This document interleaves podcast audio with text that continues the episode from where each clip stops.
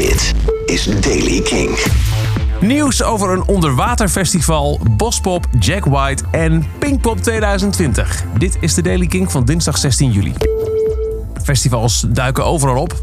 Of in dit geval onder. Hey, slecht woordgrapje. Nee, over bijzondere plekken gesproken waar een festival gehouden kan worden.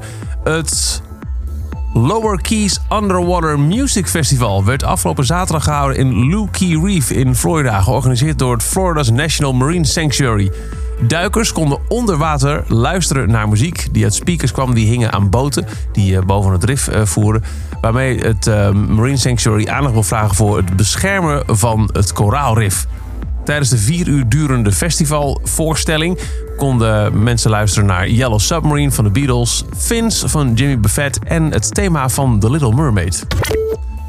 Bospop 2019 is nog maar net afgelopen, maar nu al wat druk vooruitgekeken naar de editie van volgend jaar, de 40ste editie. Dit jaar kreeg Bospop te maken met twee vervelende afzeggingen. Snow Patrol moest al een post geleden zeggen: Sorry, we gaan het niet halen. Daar werd Toto voor ingeschakeld.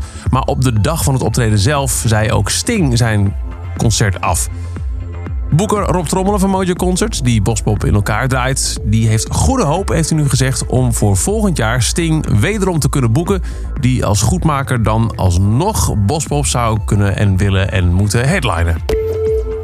Jack White draait in een nieuw interview met Rolling Stone er behoorlijk omheen. Heeft hij nou wel of niet een nummer geschreven met Bob Dylan?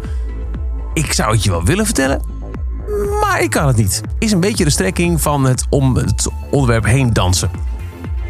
Het zou niet heel verrassend zijn als Jack White en Bob Dylan samen een nummer hebben gemaakt. Ze zijn al langer maatjes. Ze hangen af en toe een beetje met elkaar rond op eh, plekken. Eh, de Raconteurs, die net vorig jaar, eh, vorige maand terugkwam met Help a Stranger als comeback album, toerden in hun eerste incarnatie in 2006 al als het voorprogramma voor Bob Dylan. En White heeft ook al verschillende keren met Dylan opgetreden. Dus het zou zomaar kunnen.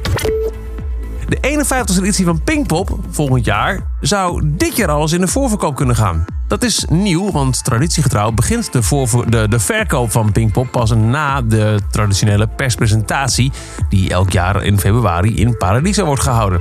Maar nu heeft Jan Smeets laten weten aan de Limburger dat het voor dit jaar wel eens al in november zou kunnen zijn. Mojo Concerts zou hem hebben overtuigd om de verkoop van de tickets dit jaar meteen na de bekendmaking van de eerste headliner te starten, zoals het bij de meeste festivals eraan toe gaat. De datum die hebben we ook al. Pinkpop 2020 vindt plaats op 19, 20 en 21 juni. En tot zover de Daily Kink.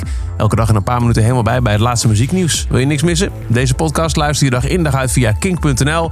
Op Spotify kun je hem volgen. En als je een favoriete podcast hebt, dan zou ik zeggen abonneer. En elke dag krijg je dan automatisch de nieuwe editie op je digitale deurmat. Elke dag het laatste muzieknieuws en de belangrijkste releases in de Daily Kink. Check hem op kink.nl of vraag om Daily Kink aan je smart speaker.